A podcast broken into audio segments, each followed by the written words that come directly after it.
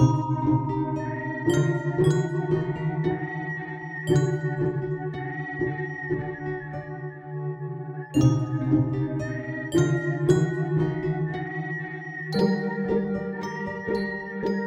och välkomna till Vacancy Podcast. Eh, andra avsnittet är vi framme vid nu. Och eh, jag är Erik Nyström. Och jag är Magnus Johansson. Det här är andra avsnittet som sagt var. Vi hoppas vi fick några som lyssnade på det första. Och eh, vad jag förstått så hade du lite feedback. Ja, precis. Vi fick lite kommentarer eh, från en man som gick under namnet Skägget. Som rekommenderade en film vi skulle se. Han tyckte att vi skulle se en film som heter Titan Find eller Creature från 1984. Som är någon slags alien rip-off film, lågbudget grej. med Klaus Kinski bland annat. Så då gick jag in på eh, play.com där man kan köpa film. Och eh, just den här hemsidan har som externa försäljare. Jag vet inte om de är privata eller hur det är. Jag tror de är privata. Då hittade jag en på DVD då. Och eh, den som sålde den ville ha 98 euro för den. Och det kändes lite jobbigt. Har du någon film Erik som du skulle kunna tänka dig köpa för 98 euro på DVD? Eh, nej, det finns ju de här som man har väntat på ska komma på, på DVD. Typ The Keep och liknande. Men jag skulle fortfarande inte betala 98 euro för den. Nej, det var lite för mycket så att eh, ja, tyvärr skägget. Vi får nog vänta lite grann.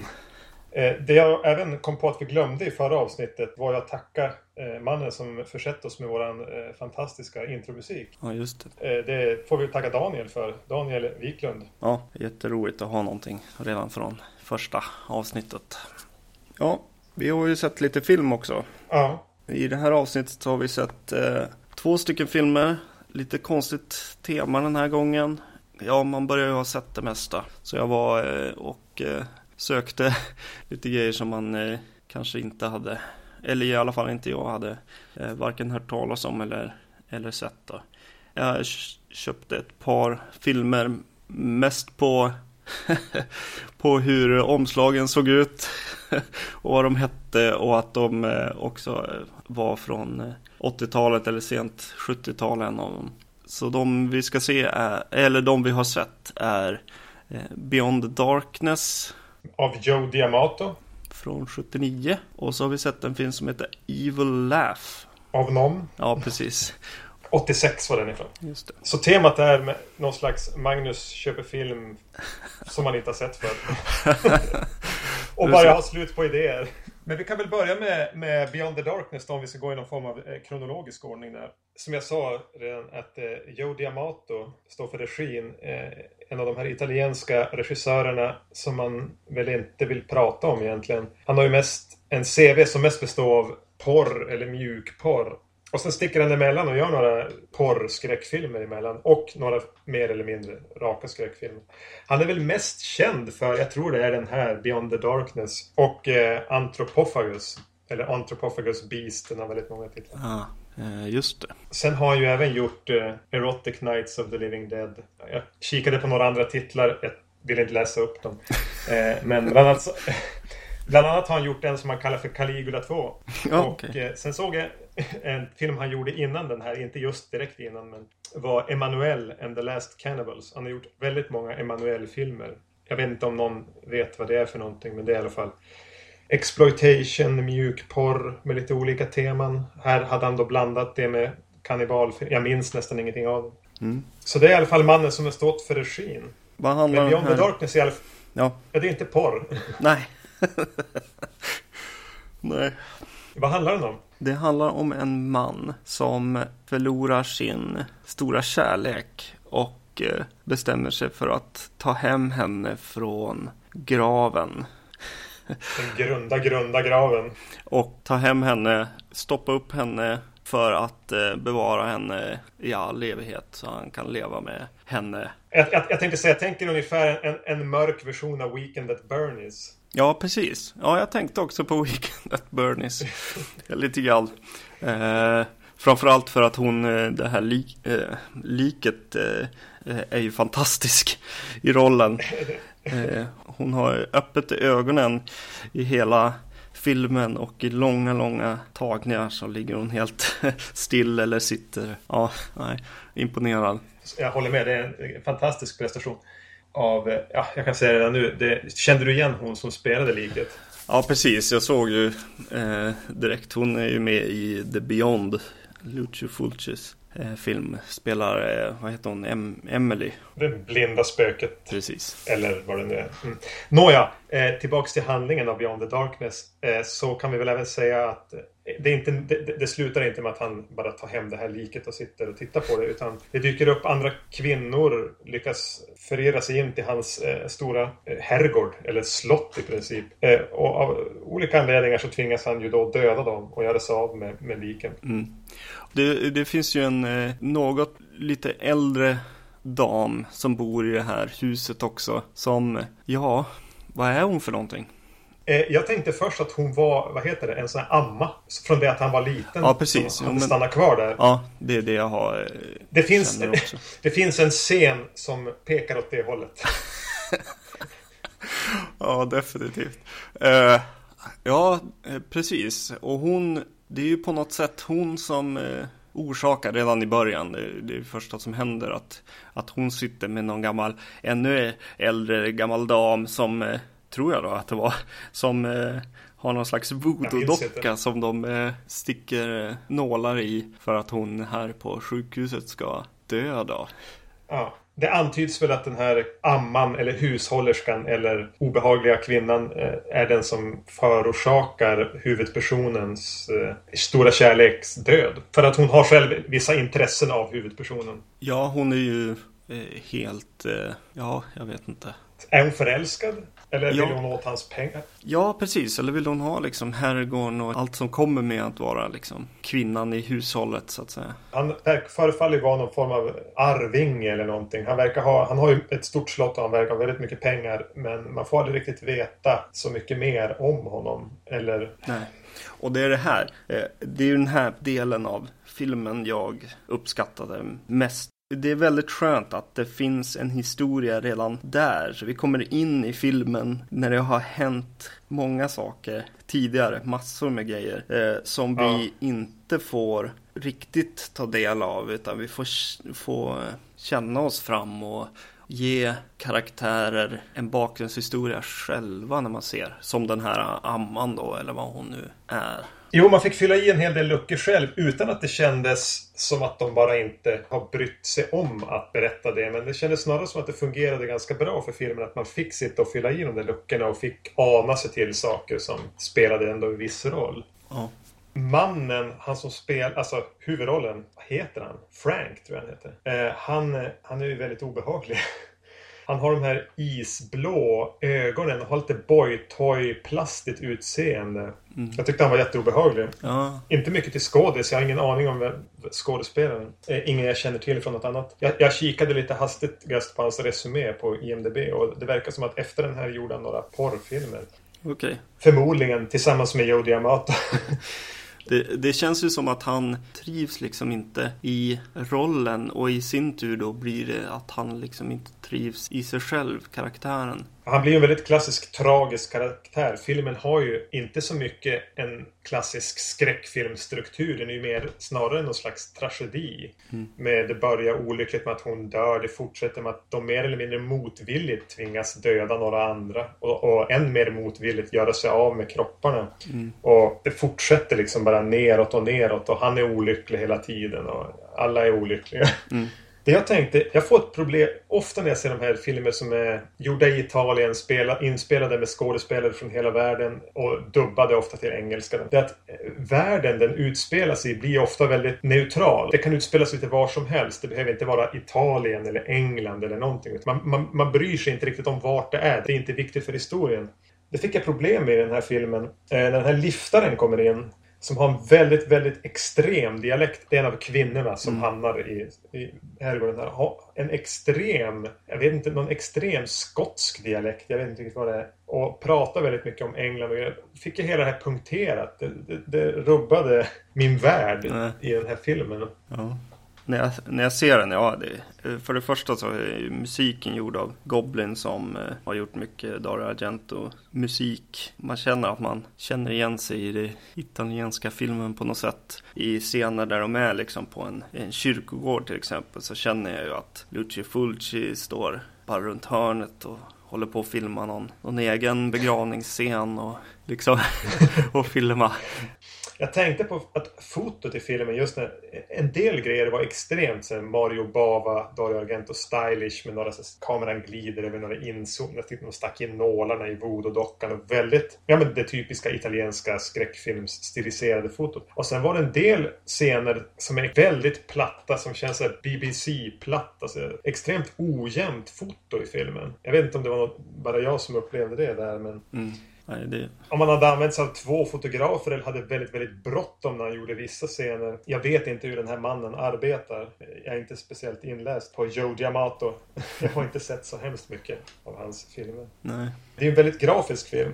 Ja, det öppnar väl egentligen med den här att han ska, eh, vad heter det, stoppa, stoppa upp, heter det, kärleken ja, i sitt liv. Ja, och eh, ja, den scenen alltså. Det kändes som att jaha, nu kommer, nu kommer resten av filmen vara den här scenen när han gräver runt bland tarmar och tömmer henne liksom på. Ja, verkligen. Och bara, ja, ut med hjärnan och ja, hela, hela baletten. Och han har ju jag måste säga att han har väldigt det är bra effekter. Alltså de har ju använt vad jag hoppas är djurkadaver eller någonting. För det, det är ju riktiga inälvor som ja. i närbilden och gräver i och slänger ut och slabbar runt med. Det är inte plast, så mycket plastdockor och... Nej precis, det blir ganska extremt just med den kombinationen av liksom den här kroppen och de här inälvorna blir Ja, det är ganska extrema grejer. Och ändå, jag tycker han hanterar det rätt bra. Det är ganska snyggt klippt mellan scener när man ser att han står och jobbar och så in på närbilderna. Eh, likadant i en scen när han, en av de här kvinnorna som har dykt upp där som han då har tvingats döda. Eh, de styckar i ett badrum. Mm. Också, de klipper det ganska snyggt att eh, han får hjälp av sin amma här då. Som, de döljer vissa grejer med vinklar och de hugger och... Eh, mm. Det, man, slip, man slipper de här typiska hugga i en plastdocka där, man, där illusionen punkteras. Det är väldigt snyggt hela vägen. Ja. ja vad skulle du säga? Ja, nej, det är ju en bisarr scen det där. Det är väl en av de starkare scenerna också där inne på toaletten. Och just att Ja, jag vet inte. Hon, hon står och hugger i liket och han står och häller ner syra i, eller vad det nu är, i badkaret. Så frätande i badkaret. Ja, med, med stora kärl som han håller liksom som att det var hans, jag vet inte, som han står och kissar eller någonting i badkaret. Väldigt störande kändes det som. Se, filmen är väl uppbyggd kring ett par sådana här scener. Det, alltså när han stoppar upp, eller vad vi ska säga, konserverar sin eh, flickvän då och den här styckscenen av, av en av offren och en, en, en scen med en till som dyker upp. Den är, den är verkligen uppbyggd kring några sådana här väldigt slående grafiska scener som är väldigt, jag, jag är imponerad över hur snyggt hanterade de är. Den här kombinationen av klippning, effekter, allting. Där slår han ju faktiskt, om man får säga det, de, även Lucio Fulci, Dario Argento och Mario Bava, han slår dem på fingrarna just i eh, vidriga effekter som används på ett snyggt sätt. Särskilt med tanke på hur gammal filmen ändå är. Ja, han går ju fullt ut på chock med ett bra utförande som funkar liksom. Man blir chockerad så att säga. Och äcklad. Om det räknas som fusk att använda eh, djurinälvor, jag vet inte. Ja, och mycket naket också för den delen. Ja. Och kombinationen därav. Men som du sa, vi var inne redan på det i inledningen, att, att eh, liket här, alltså, det, det, är en fantastisk rollprestation. Precis som det är i Weekend at Bernies, om man nu vill nämna de här två de filmerna tillsammans. Just de här ligga och stirra tomt och dött i långa, långa scener. Sitta och stirra tomt. Och det är väldigt slå. Jag tycker liket är visuellt slående också. Mm. Flera gånger kameran liksom glider upp, över, ner på den här bleka, stirrande kvinnan i nattlinne. Mm, man får lite Bava-vibbar där också av just ja. liket. Eh, både från den där uh, Kill Baby Kill och eh, det här fantastiska liket i, är det Black Sabbath? Black Sunday? Eh, den, Black Sabbath. Black Sabbath. Eh, den med tre berättelser. Den, du tänker på det i sista. Så som sagt, den, den har många komponenter som är, som är fina. Men den, den når väl aldrig riktigt de här jättehöga höjderna. Nej, den, var, den, den, var faktiskt bättre än vad jag hade förväntat mig. Då. Mm. Eh, just för att den hade så, några riktigt, riktigt bra grejer. Mm. Den har ju någon slags inramning av, eh, jag vet inte ens vilka som är ute efter, om man är polis eller om är de graventreprenörerna. Ja, det är, ja, det är begravningsentreprenören. Så... Världens mest dedikerade begravningsentreprenör. Som ska ha tillbaks liket. Han märker då på något sätt att, att någonting jag vet inte om han märker att liket saknas, men han märker att den här mannen är, är, suspekt i alla fall. Så är han som där och nystar hela tiden. Så egentligen är väl den här begravningsentreprenören, jag tror att han är begravningsentreprenör, är väl filmens egentliga hjälte. Ja, det blir lite utfyllnad på något vis. Det är just de här key-scenerna liksom. De, han tydligt själv vill göra liksom. Han vill komma till. Som är de riktigt bra scenerna. Och sen finns det mm ja, jag vet inte. Det känns som att strukturen tar sig inte riktigt hela vägen. Liksom. Man börjar liksom vandra i tankarna medan man ser den och sådär. Så att... Vad tyckte du om eh, den absolut sista scenen i filmen? Ja, nej, jag vet inte. Lite Vault of Horror-varning. Mm. Och inte det minsta ja, överraskande heller direkt. Nej, nej, nej. nej. Det är redovisning på något vis. Beyond the Darkness, eh, fick den dig intresserad av att se fler filmer av eh, Joe Diamato? Nej. Det, ja, nej. Om vi jämför, om vi säger så här då. Eh, var den bättre än Anthropophagus? Den, den, den känns ju intressantare än den filmen. Men, men liksom lite segare. Jag vet inte. Ja. Anthropophagus hade ju i alla fall förmånen att vara en slasherfilm. Så det fick man en... Man, man, kunde den filmen lite grann när man gick in i den. Mm. Och det, nu börjar det vara väldigt många år sedan vi såg Anthropophagus. Jag tror vi såg den tillsammans som jag minns mm. Men jag skulle nog ändå föredra Beyond the Darkness före Anthropophagus. Så det är väl egentligen det bästa betyg man kan... Eller det bästa man kan säga om eh, den här filmen. Ja, ja men det stämmer nog. Den är ju intressantare. Det är den ju. Absolut. Jag tror vi kan lämna den med de orden. Mm. Att eh, se den före du ser Antropophagus. Ja. Men, eh, och se inget mer av Joe Diamato. Men vi kan väl då raskt kasta oss över till eh, Evil Laugh. Mm. Det är väl en bra titel. Eh, du sa att du köpte den här för omslaget och jag tittar på omslaget. Jag måste säga att jag älskar omslaget. Ja, det är fantastiskt. Vi kommer att lägga upp det på hemsidan sen. Mm. Så att ni får titta på det. Men eh, David Hasselhoff ser ut att ha smugit sig in på det. på omslaget, ja. Ja, och, och, så har vi en, en död, eller The Grim Reaper. Ja, precis. Som står ovanför ett hus med lite rädda ungdomar på. Och under det här fina omslaget så döljer sig då en eh, väldigt traditionell slasherfilm eh, av, ja men om vi säger att Halloween är kanske, det, det är det definitiva A-laget. Och så har vi ett B-lag där några fredag den 13 filmerna finns tillsammans med kanske Terror Train och några eh, Prom Night, några av de där. Så har vi ett C-lag, så är väl det här kanske D-laget, jag vet inte. Ja, det skulle man väl säga. Handlingen, eh, några ungdomar lite äldre ungdomar i alla fall, de studerar läkarstuderande, åker till ett hus som en av deras kompisar har köpt för att rusta upp och för att göra om till ett eh, något slags hem för barn eller någonting. Ta hand om barn, någonting åt det hållet va? Mm. Jag, var, jag, kan, måste, jag var inte helt koncentrerad. Eh, redan det, är det första som händer när mannen som har köpt huset åker dit är att det dyker upp någon, en mördare och eh, mördar honom och har ett evil laugh. Mm. Och blå diskhandskar. Ja. på sig. Det är bra när man designar mördare. Så kan man ta till diskhandskarna. Sen dyker de andra ungdomarna upp. De blir dödade en efter en. Eh, den här kom 1986. Det vill säga att slashervågen hade, om inte ebbat ut lite grann, så var den en Folk var nog lite less på slasherfilmer. Elm Street-filmerna med sina, sitt jävla trams mm. hade väl tagit över där man var och man ville försöka göra mer saker. Men det här är ju lågbudget så det står härliga till. Ja, och det som eh, de har tänkt filmskaparna ska stå ut lite grann här är väl att alla känner till de här skräckfilmerna. De läser eh, tidningar om eh, den 13 filmer. En av dem är specifikt väldigt skräckfilmsintresserad. Ja, det är egentligen Scream, tio år före Scream, kan vi säga det? Det är en lite intressant att göra Scream mitt i det hela. Ja. Jag blev faktiskt lite förvånad över att den var så självmedveten och inte var helt... Den var hyfsat smart med självmedvetenheten ändå. Hyfsat smart. Eh, jag tänker mest det är en scen när, jag vet inte om ett par säger att de ska gå upp och ha sex eller om de har haft sex. Men den här skräckfilmsnörden skriker VA? Nej! Det är precis som, ja, som taget från Scream.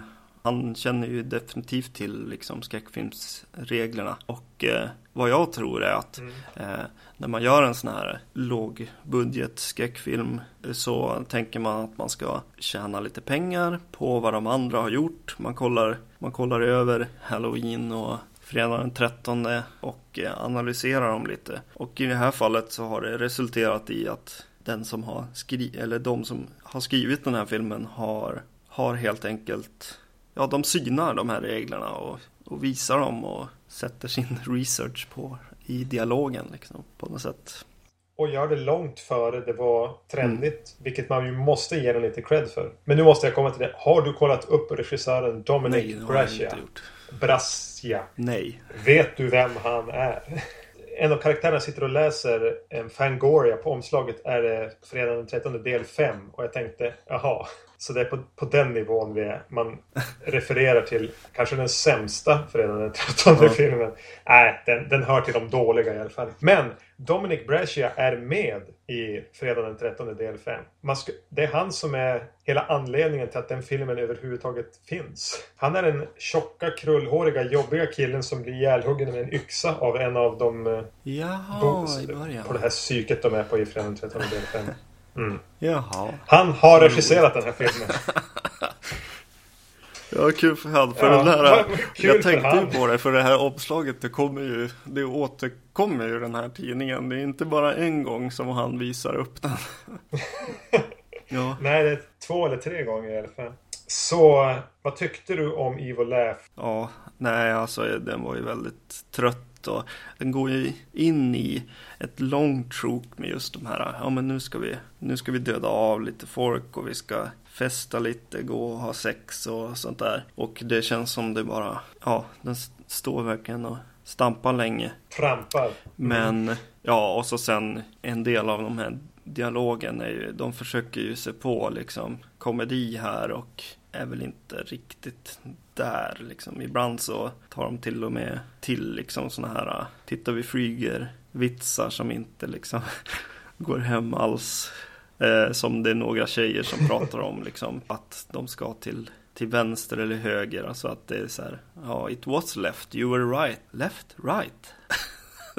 och sådana grejer, det var ju, nej, det är verkligen eh, hit and miss på något vis. Eller nej, det är, det, det är mest missar i humor måste jag ändå säga. Men det, men det är ändå roligt att Scream sen kommer och, ja, vad ska man säga, ordnar upp den. Pumpar in lite pengar i den här idén. Mm.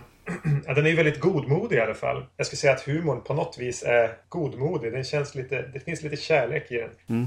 För när, när, när jag slår igång den och liksom första bilden är... För det första är den i mm. 4.3, alltså fullscreen-format. Det första jag får är en så här fullscreen-bild, extremt platt, skräpig, repig, ful bild på huset som är väldigt oläskigt hus. Och jag bara tänker bara, åh gud, det här kommer bli långa 90 minuter. Men jag, jag, hade inte så tråkigt som jag trodde när jag fick se den där första presenterande bilden och även det första mordet eh, på den här mannen med, med en borr eller någonting. Var också väldigt... Mm. Jag tänkte oj oj oj. Det här, kommer, det här kommer att bli jobb. Men jag hade ganska trevligt i sällskap med karaktärerna ändå. Just att det finns den här naiva charmen, lite skaparglädje och just det här att de försöker. De är lite postmoderna med det här med ja, ja absolut. referera till sig själv. Uh, det, uh Eh, Eh, ja, jag såg en, eh, jag recenserade en film på vår hemsida vacancy.se. Såg, vad hette den? The Dorm That Dripped Blood. Och de som har gjort den filmen har ju, har ju med samma väldigt låga budget liksom analyserat skräckfilmer, försökt göra liksom det bästa de kan. Och, och det misslyckas ja, totalt i den. I, I den här får man i alla fall se både skapa glädjen och ha lite roligt åt hur naiv den är liksom i sin humor och så vidare. Så det, jag håller definitivt med. Det är mycket trevligare att se en film som då kanske inte tar sig själv på så stort allvar när det ändå är så här, ja vad ska man säga, låg budget. Så du ser hellre om Evil Laugh än Det gör jag definitivt. Absolut. Man ska nog inte ta sig på så mycket allvar som de verkade ha gjort innan. Men, men, här så känns det som att det, det, funkar. Den har ju samma på något sätt eh, en del Fredagen den 13 känsla också med gänget och att de har, har roligt och så. Precis, det känns på något vis lyckas de etablera en känsla av att de här ändå har känt varandra ett tag eller åtminstone är bekanta, att de har en historia. Det, det finns, alla som är där har liksom någonting de vill. Oftast handlar det om att eh, handlar om sex då. Men alltså det finns lite extremt halvhjärtade intriger mm. som ändå pågår hela tiden. Och jag gillade även att de är faktiskt kanske är i 25-årsåldern. De, de studerar till läkare och de är nära att vara färdiga med läkare. De är inte 30-åriga skådisar som föreställer vara 16. De är 30-åriga skådisar, eller skådisar inom citationstecken, som föreställer vara 25. En sak som gör just att, att eh, killarna till exempel känns som att de känner varandra kanske, är ju att de, alla av dem är riktiga muskel Berg. Det känns som att de går till gymmet tillsammans och har gjort det länge. Två av huvudkaraktärerna presenteras ju liksom, kommer de bara med, de har haft problem med bilen på väg dit och kommer verkligen sprättandes i tajta jeans och Nej. ingenting på överkroppen. Precis. Och den riktigt stora killen heter till och med Armstrong i efternamn. Vilket jag tyckte var lite fyndigt. ja, det, Mm. Det är de där små grejerna som, där, som de ändå lyckas, lyckas bli. Eh, det är ju inte bara en, en slasherfilm i fredag den 13 andra. Det är ju även en eh, Who Done It. Oh. Hade du listat ut vem som var mördaren? Nej, Nej, det hade jag inte. Eller hade ja, du också hunnit glömma den karaktären? Alltså om man ser på den i efterhand så ska det ju vara den karaktären. Om jag säger så. Utan att spå spoila för mycket. Ja, ja, jag, jag, kan säga att jag var fel mm. ute i alla fall. Men du, vi fick en, eh, en kvinnlig karaktär som heter Tina. Ja, det tänkte jag också på. En, en fredag den 13 grej. De har ju, ja jag vet inte, det kanske inte stämmer fortfarande men de har ju haft väldigt många tinor i sin, sina filmer. Och här fick hon, jag tyckte hon var rolig, Tina i den här filmen som eh, hon var väl bimbon Mm. Och eh, kanske den sämsta skådisen av dem alla. Men jag tyckte det var kul att hon var en, verkligen en bimbo-schablon med någon slags ironisk knorr som satt och... Trå, vad var det hon sa någonting om cute eh, 17 year old boys och grejer. Hon, när hon uppenbarligen är 10 år äldre själv. Ja, just det. Sen, som jag, som jag sa, att den var väldigt tr trist visuellt och det är väldigt genomgående. Den blir bättre jämfört med den här första platta, trista bilden och det torftiga mordet. Morden blir väl lite bättre. Men framförallt var det någon snygg källarscen när någon blir instängd i källaren och vi får en så här väldigt statisk bild. Och, som jag tyckte faktiskt var riktigt, riktigt snygg och de har ändå ljusat ganska okej okay med mörka partier där karaktärer försvinner in i. Och, Ja, en grej som jag tyckte var otroligt, det var ju polischefen eller vad han är. Han tyckte jag var fantastisk. Han hade här trailer voice-over röst också. Ja, verkligen. Han läste sina lines väldigt så här, övertydligt på något vis. Väldigt tydligt, väldigt medvetet. Mm. Jag gillar han för att han, det kändes som att han, han skådespelade med kroppen på ett vis. Lite så här halv övertygande som den här lite goofy polisen som kommer. Eh, men sen när han pratar så, blir, så är det väldigt så här, ja, övertydligt och rakt. Så, ja, jag tyckte det var jätteroligt. Och där var det en lite halvkul sådär Urban Legend-scen. Ja, precis. Med poliserna ja. Mm. Återigen, där var de lite före eh, moderna, modernare skräckfilmer. Vi kan inte kalla Scream för modern längre. Den är 15 år på nacken. Ja. Ja, det är ju tragiskt. Den heter Evil Laugh. Eh, jag måste säga att de, de använder inte det där ondskefulla skrattet speciellt mycket. Nej, men den, den heter väl också lite det just för att vara, för att den är skräck och kul på något sätt. Vet du, det hade jag faktiskt inte tänkt på förrän du sa det nu. Men Nej. det säger väl mer om mig än om titeln kanske. mm. Kommer du att se Evil Laugh igen? Uh, Ja. Var det ett kommentarsspår på utgåvan? Oj, jag har den här jag ska se. Jo, kolla det är ju det. Ja, vad roligt. Ja, då kommer jag definitivt se den igen. Ja, du får skriva en eh, länkare om det på hemsidan sen. Ja. Om han någon gång refererar sin egen insats i Fredag den 13 del 5. Mm. Det här är väl någonting för den som har sett det mesta inom slasher-genren och vill komplettera den. Ja, precis. Det känns ju som att jag köpte rätt film om man skulle säga så. Ja, det var precis vad jag var ute efter. Ännu en till av de här. Och även lite Ja. mer lågbudget kanske. Och sen eh, var det en liten överraskning att det var lite, lite scream-känsla över den. Den ligger ju mer i... i, i Evil Laugh ju mer vad du, vad du tänkte dig, om jag får gissa vilt här, än vad eh, Beyond the Darkness var. Beyond the Darkness var ju mer för dig som har sett allt med Fulci. Medan Evil Laugh var mer för dig som har sett alla slasherfilmer. Mm. Så kan vi sammanfatta det med, helt enkelt. Eh, ja, det var väl egentligen det vi hade att säga om de här två filmerna. Det jag kan säga då är att eh, fortsätt och besök gärna vår hemsida på eh, www.vacancy.se. Gå in och likea oss på Facebook. Vi försöker uppdatera där så att man ska veta när det finns nya av, eh, avsnitt av podcasten ute. Skriv ett mail till eh, podcast.vacancy.se med feedback, frågor, förslag på filmer vi ska ta upp som inte kostar 99 euro att köpa. Ja. Eh, vi finns numera även på iTunes att ladda ner. Ge oss så höga betyg som ni bara kan. Eller, eller så höga som vi förtjänar. Ja. Det här var vårt andra avsnitt. Det kommer flera. ja. Men eh, så vi eh, ser fram emot att eh, få leverera någonting nytt inom en snar framtid. ja. Tack, tack. Tack och hej!